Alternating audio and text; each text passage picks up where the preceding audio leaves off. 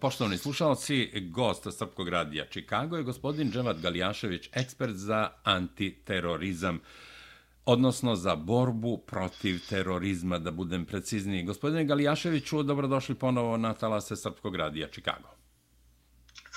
Hvala vam, drago mi je biti sa vam ponovo. Evo, ja bih da odmah krenemo na posao, pošto nam vreme vrlo brzo, kako bi rekao naš narod, i suri onaj peščani sat radi ubrzano. Dakle, krenut ćemo od konstatacije da je glavni tužilac, odnosno tužiteljka tužilaštva Bosne i Hercegovine, Gordana Tadić, potvrdila da je započeta istraga zbog izdavanja lažnih viza Bosne i Hercegovine osobama, kako kažu, visokog migracijskog rizika iz Pakistana i Iraka.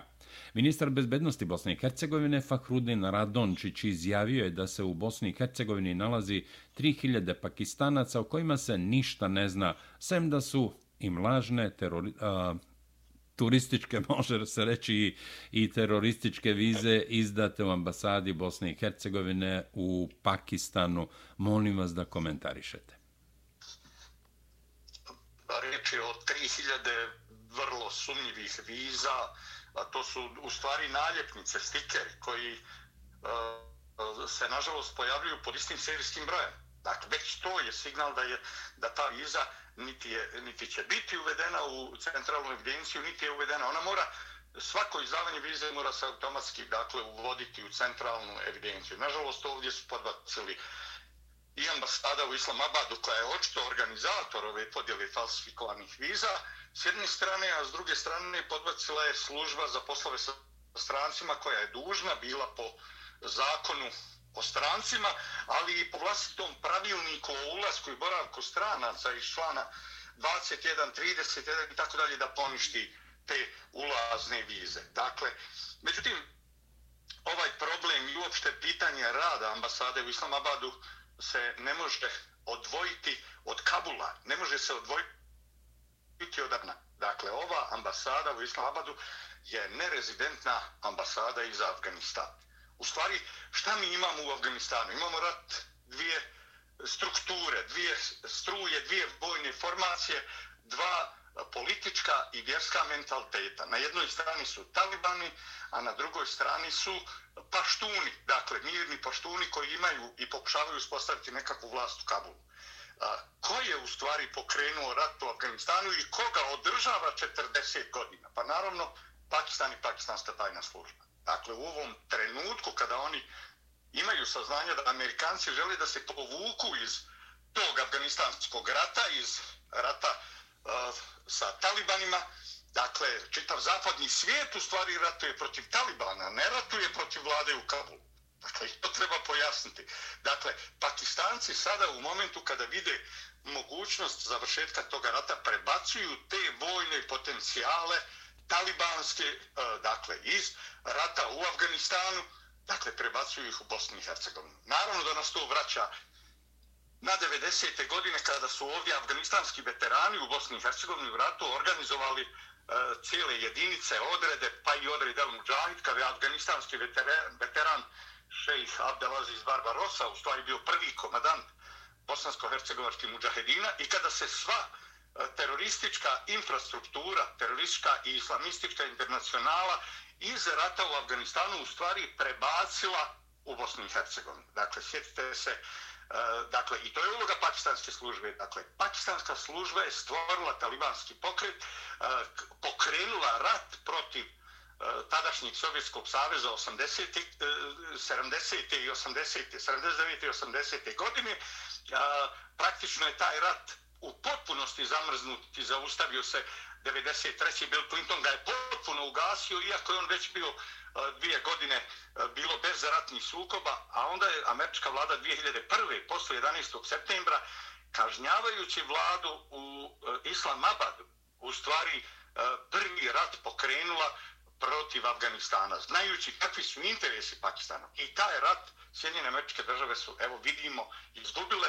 Žrtve 11. septembra nisu se, uh, nije se opravdalo, dakle, oni i koji su stojali iza toga, to je pakistanska tajna služba, glavni organizator napada i ponižavanja Amerike je bio Halid Sheikh Mohamed. I on je pakistanac i bosanac. Dakle, on, on je sa bosansko-hercegovačkim državljanstvom e, došao u Pakistan i uhapšen dva mjeseca poslije 11. septembra, a u stvari je čitav rat 90-ih 92. 3. i 4. boravio u Sarajevu u ulici Abdest Hana 4, dok je posle potpisivanja Daytona ocelio u Zenicu, dakle krajem novembra, 29. novembra, odšao u Zenici, izvadio nova dokumenta, novi bosansko-hercegovački pasoš, nove lične karte vozačke dozvole, Dakle, stanovo je u ulici Armije Republike bih broj 13, u Zenici. Dakle, sada kada znamo te činjenice, naravno da tri E, preko 3000 falsifikovanih pasoša.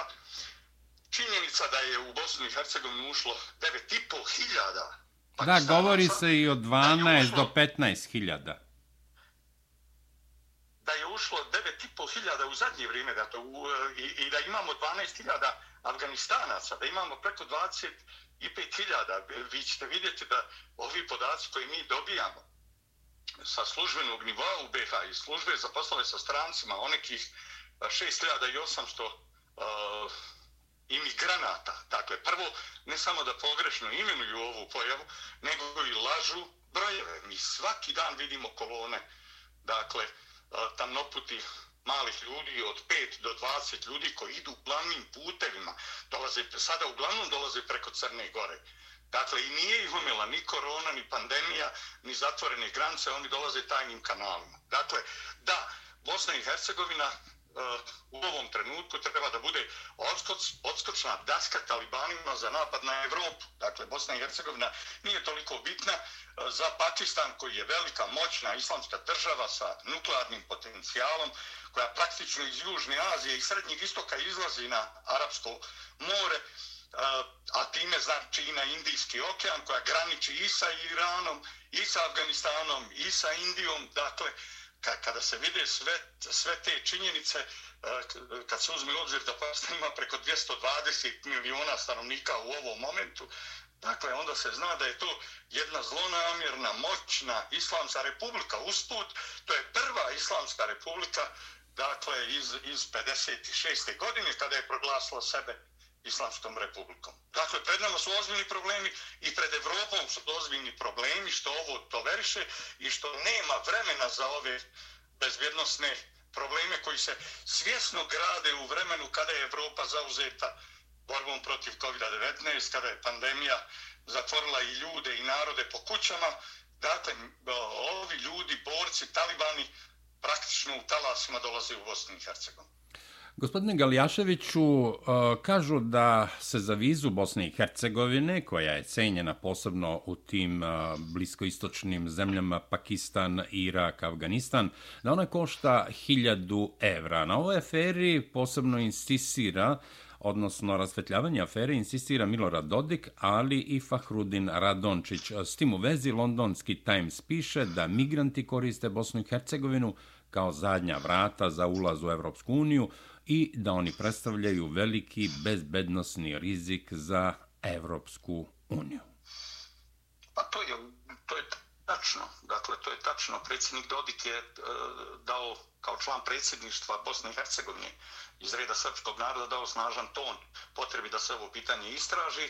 Moram priznati da je Fahrudin Radončić u zadnje vrijeme malo zašutio, e, da je da uglavnom više govori drugi o tome nego on, on se poziva na istragu koju tužilaštvo vodi. E, tužilaštvo ni ovu istragu, ni kao ni one ranije, neće dovesti do kraja. Ovde su preveliki igrači, dakle ovde nije je e, problem neki Fori, Caki, ambasador u Islamabadu koji pokriva Afganistan i Pakistan.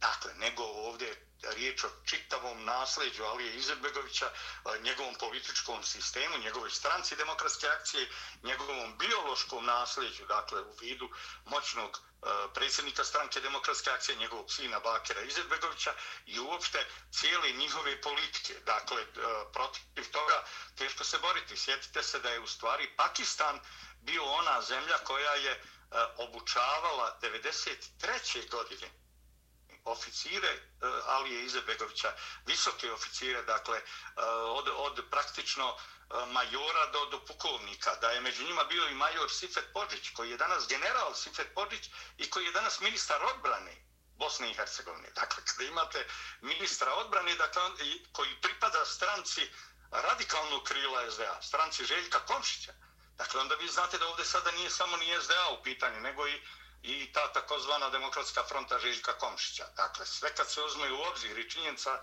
da je Pakistan stvorio dakle, dvije e, najrazornije organizacije e, koje su apsolutno suštinski, temeljno usmjerene na rušenje e, zapadne civilizacije, sekularnog društvenog uređenja, dakle, i, i praktično donošenje E, haosa u zapadni svijet, da stoji s jedne strane talibanski pokret koji je stvorio Pakistan, pakistanska obavještana služba ISI, dakle, a s druge strane to je Al-Qaida, to je prva mreža, dakle ona je u stvari e, pakistanska tajna služba je stvorila uh, Al-Qaidu ujedinjujući oko Maksidamata i Osame Bin Ladena. Na kraju je i Bin Laden u stvari uh, ubijen u samom Pakistanu gdje se skrivao. Na kraju je i Halid Sheikh Muhammed posle 11. septembra uh, uhvaćen u, u Pakistanu i danas mu se sudi, dakle, zbog 11. septembra, zbog organizovanja terorističkog napada na Ameriku, 3000 žrtava, napad na Pentagon i na Svjetski trgovinski centar. Njemu se i danas sudi u Guantanamu. Dakle, američka vlada će pa vajda nekada objaviti te podatke iz tog famoznog suđenja pred uh, vojnim sudom u Guantanamu. Dakle, i onda ćemo doznati ulogu pojedinih država. Dakle, besmislena je priča koja je pokrenuta iz vremena režima Baracka Obame o ulazi, ulozi nekih trećerazrednih diplomata iz Saudijske Arabije u 11. septembru. To je dakle besmislica. E, zato što je e, režim Bin Sauda, režim i Abdullaha i, i, i kralja Selmana, u stvari bio na udaru e, Osame Bin Ladena. On je želio smjenu tog bezbožničkog režima, kako je stalno isticao. Dakle, on je bio veliki neprijatelj tog režima i zato se skrivao u Pakistanu. Dakle, mi imamo ovdje e, dvije države. Dakle, imamo državu Bosnu i Hercegovinu sa svim svojim političkim resursima, najmoćnijom strankom SDA, njenim e, partnerom i priljepkom demokratskom frontom Željka Komšića. E, dakle, imamo Pakistan moćnu islamsku imperiju, jedinu islamsku državu sa nuklearnim potencijalom.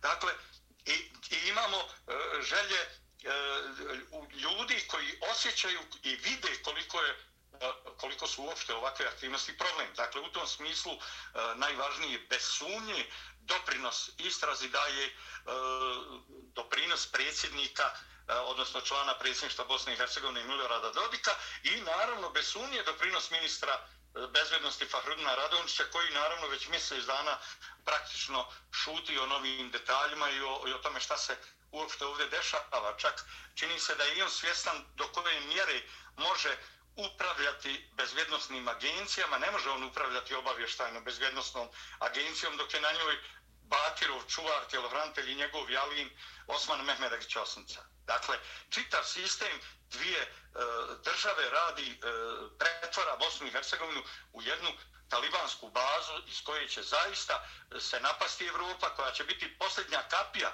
pred ulazak u Evropu i to je Times i uočio.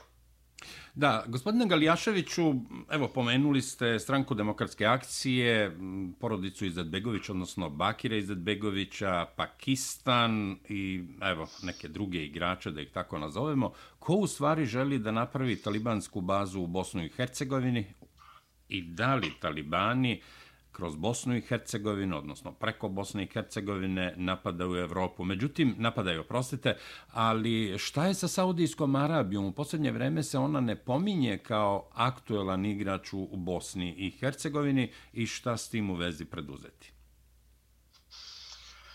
Pa Saudijska Arabija je bila oslabljena već činjenicom da nije mogla ostvariti punu kontrolu nad Al-Qaidom. Ona se uključila u ratove u Siriji i Iraku preko takozvanog Nusra fronta i Mohameda Džeblanja. Ali očito ona više nije tako bitan igrač. Dakle, mi, mi smo vidjeli da u ovom trenutku na scenu stupa Pakistan sa svim svojim ambicijama. Mi zamišljamo da je Pakistan negdje daleko, a ne vidimo da on izlazi preko Arabskog mora praktično na Bliski istok. Da je dio arapskog svijeta jednom dugom, širokom granicom dakle, u Arabskom moru, koja bukvalno dolazi do, do o, ovog e, Ormuškog, do, do tjesnaca, koji još uvijek perzi, ulaza u Perzijski zaliv. Dakle, do ulaza u Perzijski zaliv. Praktično imate granicu da, da je Pakistan e, veoma važna regionalna sila i na Bliskom istoku upravo zbog te morske granice i njegovog izlaska na Arapsko more. Dakle, e, sada mi zamišljamo, oni dolaze iz Pakistana pa nekim moraju putevima dolaze. Oni su iz Pakistana u stvari ubačeni u ratove i u Siriju i u Irak. Oni su iz Afganistana, dakle, i Pakistana sišli u Arapsko more i odatle se prebacili ovamo preko Turske, preko e, praktično je turska politika e, u zadnje vrijeme dezorijentisana i preuzela taj radikalno islamistički barjak od, od Saudijske Arabije. Dakle, to je razlog što je Saudijska Arabija u određenoj defanzivi i što ona još uvijek je orijentisana na te takozvane paralelne džemate, na te vehabijske komune, koji čak i nisu sve terorističke koliko su uh, u stvari uh, odvojene od same islamske zajednice Bosne i Hercegovine, od tradicionalnog učenja i koje promovišu i propovjeda jedan drugačiji uh, E, islam druga, drugačiji pravni i dogmatički pravac. Saudijska Arabija je ostala na tom polju i čini se da su primat preuzele upravo, e, i to vidimo, Turska je preuzela e, opasnu ulogu i u Libiji, ona i u Siriji nije, nije faktor pomirenja, iako se njoj prave određeni ustup, ustupci, Turska, međutim, na Balkanu mora da sarađuje sa Srbijom, ona bez Srbije nema ulaska na ovaj dio e, Balkana, na ovaj dio jugoistočne Evrope, bivše Jugoslavije i tako dalje, nju je veoma važna, a onda mora i poštovati do određene mjere stavove i interese same Republike Srpske i slojevitosti, odnosno e, načina na koji je Bosna i Hercegovina e, kao konsocijacijska zajednica u stvari uređena, na koji je uređena e, konfederalno-federalnim tipom, gdje, gdje se gdje dva entiteta i tri naroda u stvari e, determinišu i određuju samu, samu suverenost i utiču na formu i na oblik e, te, te države, način na koji će ona formulisati svoje politike i strategije. Nažalost, e, Dejtonske rupe, e, Dejtonske sive zone su kroz podršku OHR-a u stvari postale prostor na kome je stranka demokratske akcije prvo E, uzela sebi pravo da bira hrvatskog člana predsjedništva, dakle sa svojim potencijalom, sa svojim glasačima s jedne strane, a s druge strane da praktično e, bošnjake ostave bez alternative. Dakle, e, izborom Željka Komšića, ne samo da su Hrvati uskraćeni za pravilno predstavljanje, nego su i Bošnjaci izgubili mogućnost alternative. Dakle, vi imate ponovo dva pripadnika SDA, najradikalnija u predsjedništvu. I ne znate koji je gori da li Šefi Džaferović, da li Željko Komšić. Dakle, ne znate e, ko, je, ko nas više košta. Dakle, SDA je kroz svoje politike radila to i do sada, pokušavala izigrati, isprovocirati, vrbovati razne Mektiće, Bosiće i tako dalje. E, pokušavati kroz tu politiku e, Republiku Srpsku oslabiti. Dakle, ona to radi i danas. Mi vidimo da to radi u parlamentarnoj skupštini. Ali ostaje pitanje, dakle, šta su bošnjaci kao narod dobili tim igrama? Destruktivne stranke demokratske akcije s jedne strane i s druge strane šta je Bosna i Hercegovina kao državna zajednica dobila time, dakle, da li je postala stabilnija, prosperitetnija, da li je išta dobro vidjela upravo od tih igara. E, dakle, SDA je prosto destruktivna e, destruktivna organizacija, destruktivna vjerska organizacija sa političkim ciljevima. Njeni politički ciljevi su islamistički ciljevi. Tu je u ovom trenutku najbitniji Pakistan. Turska je, Turska je više sada okrenuta e, rješavanjem svojih problema u Libiji gdje ima velike interese za naftom i u dijelovima Sirije gdje su mnoge njene terorističke organizacije ostale na ledu, ostale u izolovane u Idlibu i tako dalje. I Turska pokušava to. To naravno sada uh, islamistički pokret ko, uh, kompenzira izlazak i Saudijske Arabije na koji ste ukazali sada i uh, slabljenje Turske u okviru međunarodne zajednice i NATO pakta kompenzira ulaskom jakih, dakle, talibanskih struktura iza kojih stoji Pakistan. Gospodine Galijaševiću, pošto smo u Bosni i Hercegovini, tu ćemo se zadržati, posle ćemo govoriti o Crnoj Gori. Naime, pre nekoliko dana u Sarajevu je održana misa za Ustaše, pobijene, poginule Ustaše u Blajburgu. Dakle, na sceni je veličanje Ustaštva, ali i fašizma, ne samo u Hrvatskoj, nego i u Crnoj Gori. Jutarnji program radio televizije Crne Gore, proustaški, profašistički pevač e, Marko Perković Thompson sa nekom svojom pesmom, dakle u jutarnjem programu. Bakir Zedbegović osudio je misu za Ustaše koja je održana u Sarajevu, dakle, ali za hrvatske Ustaše, to se odnosi ta osuda, koliko sam razumeo, na hrvatske Ustaše, ali nije pominjao uh, Ustaše muslimane. Uh, njegov otac, Alija Izetbegović, bio je član uh, jedne proustaške organizacije, vi ćete mi pomoći ovaj, oko imena da, da, da, te organizacije.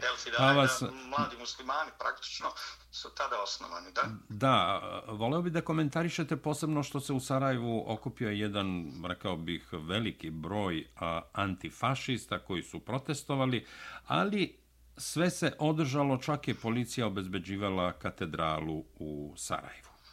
Izvolite. U stvari sukob eh, dvije ustaške politike. Dvije nacionalne i dvije vjerske politike u okviru nezavisne države Hrvatske. Dakle, jasno je da kardinal nije misu eh, i pomen održao za muslimane ustaše, jer bi to bilo neprimjereno, nego za katolike ustaše. Dakle, neće misa eh, nikakve ni, ni, ni emotivne, ni simboličke efekte izazvati na, na muslimane. Dakle, on je to i posvetio uh, katolicima ustašama i to su muslimani ustaše dobro shvatili pa su rekli e, onda smo mi antifašisti, u stvari nisu antifašisti, dakle nemoguće je Aliju Izetbegovića e, tretirati drugačije osim e, kao mlado ustaško pokoljenje, kao e, osobu koja je u okviru mladih muslimana, koja je bila u stvari regrutna baza 13. SS divizije, e, da je čak održao i određene govore o, o čemu piše Sead Trhulj u svojoj knjizi u Sarajevu, e, e Pa praktično opisujući čitav istorijat mladih muslimana, da je, e, kako je Alija Izetbegović djelovao, gdje je bio i gdje se kretao. Dakle, Alija Izetbegović je bio u regrutnoj bazi 13. SS divizije u mladim muslimanima u odredu, dakle, koji je, e, u, e, koji je bio regrutna baza odreda, dakle, odreda 13. SS divizije, praktično, odnosno Anđar divizije, takozvane. Dakle, to je u stvari preteča odreda Al-Mujahid. To su muslimanski muđahedin. Dakle, e, nezavisna država Hrvatska je u stvari eh, eh, dvojna zločinačka država. Na čelu je bio Ante Pavelić, ali njegov zamjenik je bio prvo Osman Kulenović par mjeseci, pa onda njegov brat Džafer Bek Kulenović. Dakle, čak prvi doglavnik Ante Pavelića bio je Adem Agameši. Njegovi pomoćnici su bili muslimani. Zamjenik direktora centralne banke je bio musliman. Desetine generala nezavisne države Hrvatske su bili musliman desetine, dakle, desetine pukovnika i tako dalje. Dakle, jasno je da su neki od njih su istreljani, neki od njih su i ginuli na Blajburgu. Ono što, kad govorimo o antifašizmu, ne možete odvojiti e, e borbu protiv fašizma od dva elementa, a ni jedan od njih ne prihvataju Sarajlije. Dakle, oni današnje Sarajlije. Dakle, oni koji danas žive u Sarajevu i koji nose antifašiške zastave. Dakle, prvo ne prihvataju komunizam. Dakle, antifašizam u Jugoslaviji, onaj koji je vratio i ujedinio ponovo Jugoslaviju, čak i u nešto širim granicama od kraljevne Jugoslavije, čak i nešto većim, dakle, uz dijelove, eh, dakle, Dalmacije, dijelove Trsta i tako dalje. Dakle, kad se uzme to u obzir, dakle, antifašizam u Jugoslaviji je u stvari eh, vodila komunistička partija Jugoslavije E, tu su ključni bili, dakle, komunisti. S druge strane, ključni borci partizanskih odreda, narodno-slobodlačke vojske i partizanskih odreda Jugoslavije su u stvari bili Srbi. Dakle, e, e, a, ako je 70% bilo Srba i ako je većina Eh, u, u stvari, eh, ako je organizator otpora bio Savez komunista, odnosno komunistička partija Jugoslavije, jasno je da to uopšte se ne uklapa u ono što u Sarajevu danas egzistira kao politički sistem i kao eh, neko temeljno opredeljenje. Dakle, čak, čak i ako pogledamo istoriju, vidjet ćemo da je u stvari da su da je išlo vrlo teško sa odvajanjem bosanskih muslimana od, od nezavisne države Hrvatske, da je o tome i Tito govorio, da je rekao e, na kraju rata da je tek 2,5% bosanskih muslimana ušlo u jedinice, partizanske jedinice. E, pogledajte čak i prvo zasjedanje za mno biha, vidjet ćete da je ono održano 25. novembra 1943. godine, šest mjeseci poslije pada Italije, poslije iskrcavanja saveznika na Siciji, i po mjeseca poslije pobjede crvene armije kod Kurska, to je pobjede u bici Čelka u kojoj se sukobilo 12.000 aviona, 13.000 tenkova i posle koje je u stvari crvena armija krenula iz, iz Stalingrada, iz Leningrada, iz Moskve, dakle krenula nezadrživo prema Berlinu i više nikada nije stala dok nije ušla u Berlin. Dakle, kada to pogledate promjenu na kada vidite da je samo dva dana posle održano drugo zasjedanje Avnoja, da je uvijek kasnilo dakle, to zasjedanje Zavnobika. Jasno je da u Bosni i Hercegovini nije bio razvijen antifašistički pokret, da smo tu u Sarajevu imali narodne heroje poput Vladimira Perića Valtera. Gdje je ulica Vladimira Perića Valtera danas? Gdje je ulica Vase Niskina Crnog? Pa gdje je ulica jednog komunista i bosanskog muslimana?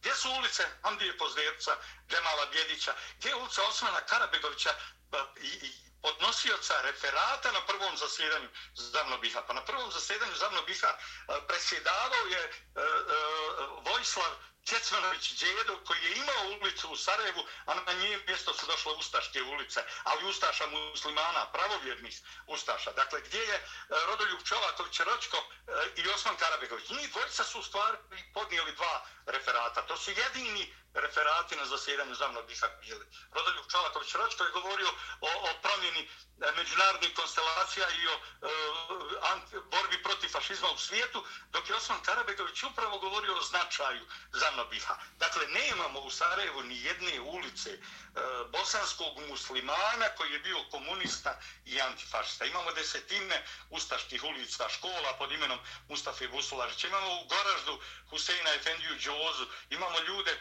koji su Muhameda Panđu, koji je bio e, ljude praktično koji su u stvari radili za ustaški pokret, podržavali ustaški pokret držali islamsku zajednicu El Hidaje e, i nazvali El Hidaje islamska zajednica nezavisne države Hrvatske, dakle i, i podržavali. Veoma je teško, uh, E, veoma su se teško bosanski muslimani razvjenčavali od nezavisne države Hrvatske i to su očito opasno zamjerili Srbima e, i antifašizam i borbu u drugom svjetskom ratu i pobjede iz prvog svjetskog rata kada vidimo tu energiju koja se 90-ih izlila na ulice koja je danas pretvorila Sarajevo u jednonacionalni, jednovjerski grad u kome bolje danas žive Egipćani i Sirici. Vidite vi proteste Egipatske lige iza koji stoji muslimansko bratstvo sa egipatskim i turskim zastavama.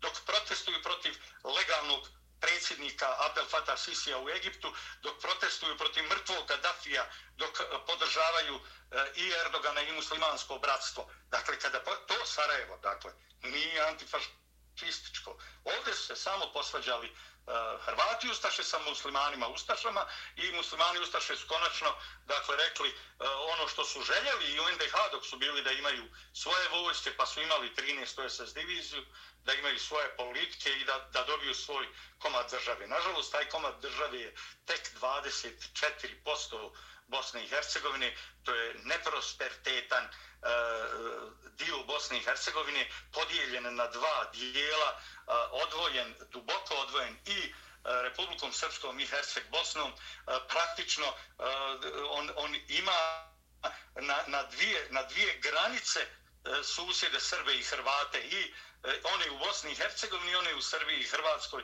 i, i ne vidi uh, u stvari da nema perspektive za bosanske muslimane bez zajedničkog života i bez imenovanja uh, stvari pravim imenom. Dakle, pravo ime je da u Sarajevu protestuju oni koji su skinuli Titove slike, skinuli sve Titove partizane, isterali sa ulica, isterali iz škola, iz javnih ustanova, poredali ustaška imena Dakle, to su ljudi koji bi Tito ganjao po Sarajevu da je živ. Kako ih nije sramota uopšte sebe nazivati antifašistima. Gospodine Galjaševiću, idemo do Crne Gore. Evo imamo još jedno 5-6 minuta vremena. rekao bi možda čak i sedam, dakle treba nam i sati, sati, sati da razgovaramo, ali naravno i drugom prilikom. Crna Gora, a tenzije na relaciji Srbija, odnosno Crna Gora Srbija, da budem precizniji, ali i tenzije na relaciji sa Bosnom i Hercegovinom. Zabrana ulaska državljanima Srbije i Republike Srpske, odnosno Bosne i Hercegovine u Crnu Goru zbog navodne opasnosti od COVID-19, dakle u pitanju je pod navodnicima zdravstvena situacija. Mnogi tvrde da režim Mila Đukanovića i na ovaj način pokušava da spreči održavanje litija zbog zakona o slobodi veroispovesti. Duško Knežević, vlasnik Atlas Grupe, kaže Milo Đukanović se plaši litija i pokušava da izoluje srpski narod, da sačuva vlast, predstoje izbori na jesen u Crnoj Gori i da spase opljačkane milione od građana Crne Gore.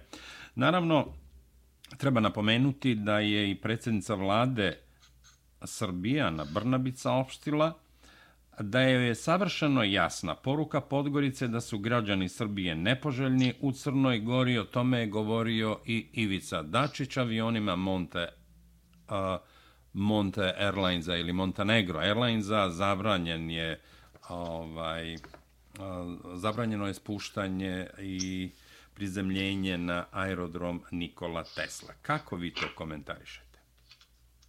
Pa to sa avionima još uvijek nije reciprocitet. Naravno i Srbija će kao država morati e, poduzeti e, recipročne mjere u odnosima prema državi Crnoj Gori. Sve je ovo bilo. Dakle, sve smo mi ovo vidjeli od Berlinskog kongresa, kada je Crna Gora e, projektovana od strane Austro-Ugarske i zapadnih zemalja, projektovana kao antisrpska nekakva zajednica koja, koja treba da, da uguši Srbe, da odvoji se od Srbije i da spriječi onemogući Srbiju da uopšte izlazi na more i bude pomorska država. Jasno, Crna Gora ne može od mora izvući ništa korisno osim turizma, a ovim je u stvari sebi pucala u glavu, e, jer u stvari turisti jedini koji dolaze, jedini koji dolaze u Crnu Goru su Srbi i Bošnjaci.